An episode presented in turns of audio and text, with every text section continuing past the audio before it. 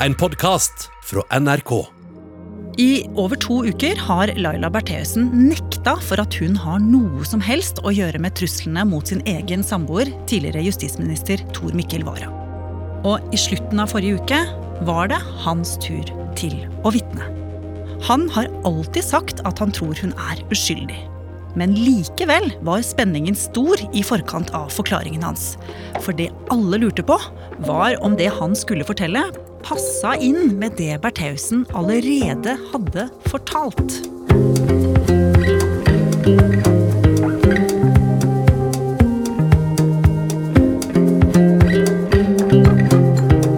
Du hører på Oppdatert.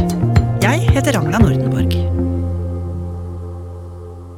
Vi var jo veldig spente på hva Tor Mikkel Wara kom til å si. Han hadde ikke sagt noen ting siden han nikka som justisminister. Og dette er jo mannen som har bodd i samme hus med den tiltalte i mange, mange år. Hva hadde han sett? Hva hadde han skjønt? Hva hadde han ikke sett? Alt dette ville jo vi vite. Runar Henriksen Jørstad er krimreporter i NRK og følger rettssaken mot Laila Bertheussen. Fortell hvordan det så ut i retten. Tor Mikkel Wara kom frem til eh, vitneboksen i svart dress og svart slips. Og han begynte å snakke veldig høyt. Det var det første jeg tenkte. Det var første gang i løpet av rettssaken at jeg tenkte at nå må de skru ned høyttalerne i retten litt, for han var veldig på hugget. Han har jo ikke noe plikt til å vitne, siden han er i nær familie med den tiltalte, men det ville han. Og han snakket høyt, han snakket mye og var eh, veldig tydelig. Og hva var det egentlig han eh, skulle gjøre i retten? Han skulle jo svare på spørsmål fra aktor og forsvarer og sin egen bistandsadvokat, og det de lurte på var jo hva hadde han eventuelt sett eller hørt i forbindelse med den første trusselhendelsen, da var han hjemme i huset. Og så skulle han jo svare på om han hadde følt seg truet, om jobben hans som justisminister hadde blitt påvirket av disse trusselhendelsene. Hvorfor er det så viktig å finne ut av? Det ene punktet i tiltalen går jo på nettopp det her, om truslene har voldt fare for at et medlem av regjeringen påvirkes i sin virksomhet, altså har disse truslene gått utover den jobben Tor Mikkel Wara skulle gjøre som justisminister. Og i så fall så vil jo det være veldig alvorlig for eh, Norge og demokratiet. Men la oss begynne med det siste punktet vi snakka om nå, dette med hvor alvorlig denne saken er, og dette spesielle tiltalepunktet. I retten i dag så ble det spilt av et klipp fra desember 2018, der Wara selv kommenterte truslene mot seg. La oss høre på det.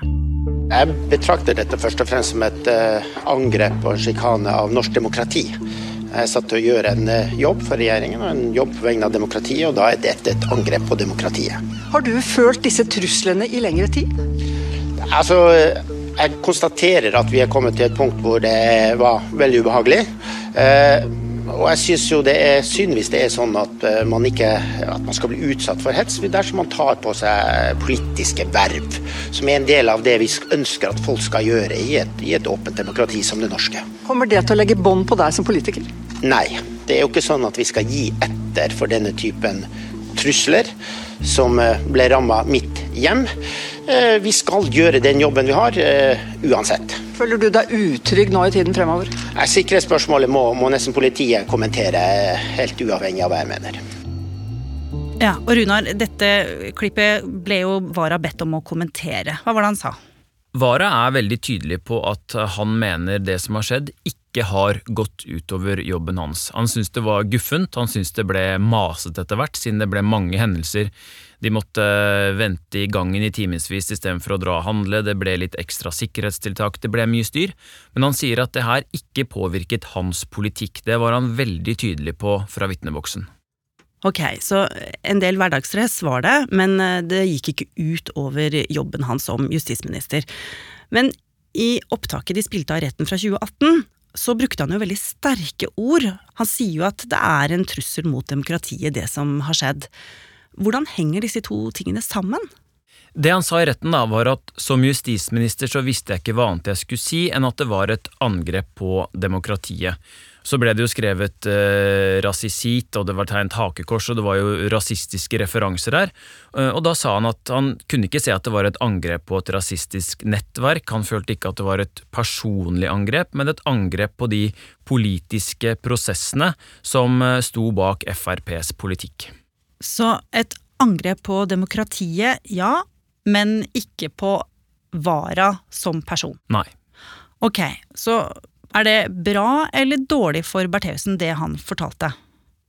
Dette er jo mer eh, kommentatormat, jeg er en eh, reporter, men noen vil jo mene at det her kan ha noe å si med tanke på straffeutmålingen dersom hun blir dømt. Mm, at hun får rett og slett lavere straff. Mm.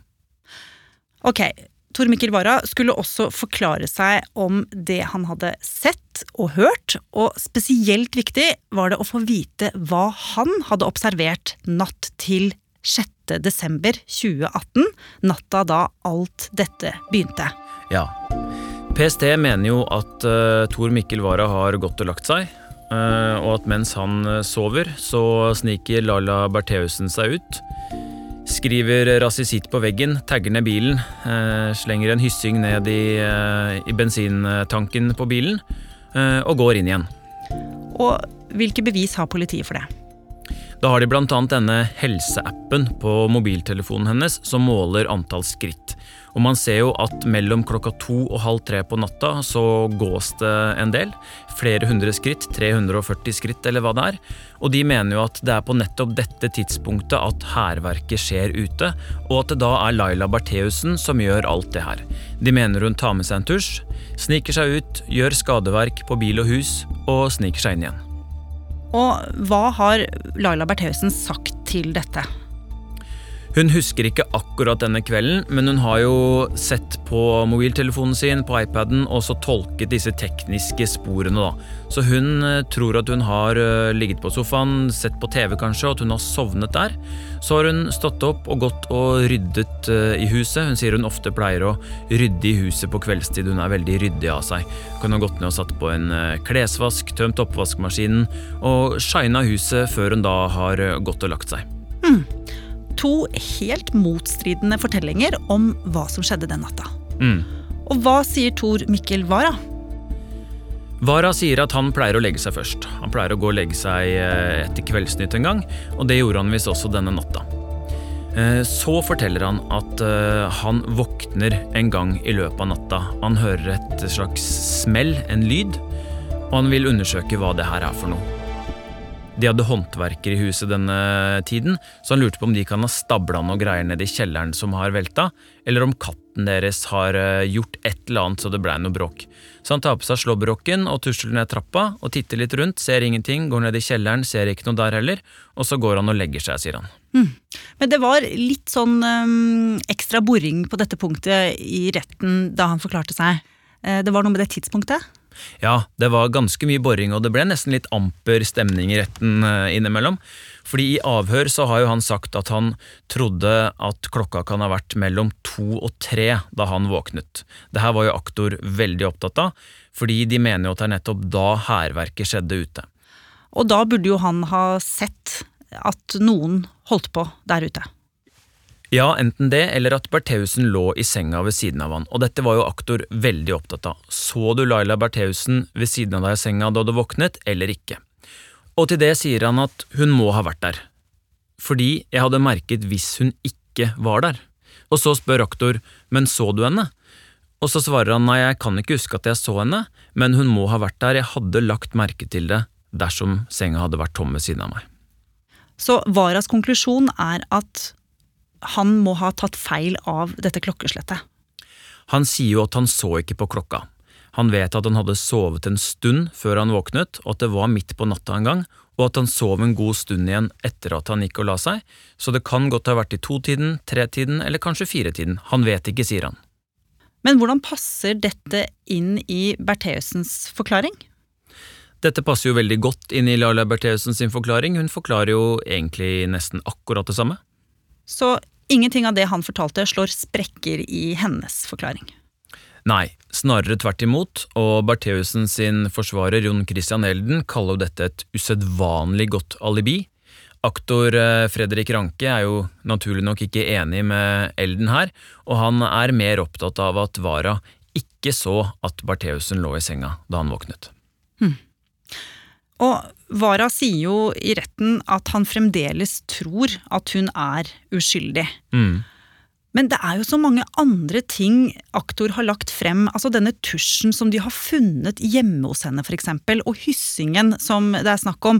Altså, Politiet mener jo at denne hyssingstumpen stammer fra en hyssingsnelle de har funnet inne i huset deres. Hva sier Tor Mikkel Wara til eh, disse bevisene? Han fikk ikke noen spørsmål om det. Hvorfor ikke? Vet ikke, du får ringe aktor. Ja, Er ikke det relevant å spørre han om han har sett en tusj eh, ligge og slenge? Det var jo 200-400 tusjer i huset, så det var jo mange tusjer der i hvert fall. Ja. Han har ikke lagt merke til én spesiell rød tusj, liksom. Han fikk i hvert fall ikke noen spørsmål om det. Nei. Men Runar, eh, denne vitneforklaringen fra Vara, vet vi allerede nå om den kommer til å få noe å si for utfallet av rettssaken? Nei, for vi vet jo ikke hvordan eh, dommerne vektlegger og tolker det her. Og som vi hørte, så syns jo Elden at det var et eh, veldig viktig vitne i favør Bertheussen. Mens eh, aktor sa jo at han tror mange ektefeller kan ha problemer med å forstå at konen eller samboeren deres kan gjøre noe sånt da, som Bertheussen er tiltalt for. Så det er veldig vanskelig å si. Vi må nesten vente til dommen kommer. Og når kommer den? Det vet vi ikke, men rettssaken varer jo til godt ut i november, så det kan godt hende at den dommen ikke kommer før neste år.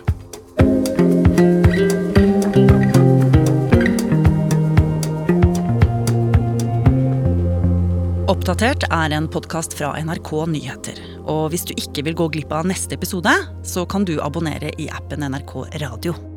Bare søk på Oppdatert, så finner du oss. Denne episoden var laget av Ida Tune Øritsland, Petter Sommer og meg, Ragna Nordenborg. Vil du kontakte oss, gjør det på oppdatert krøllalfa nrk.no. Du har hørt en podkast fra NRK. Hør flere podkaster og din favorittkanal i appen NRK Radio.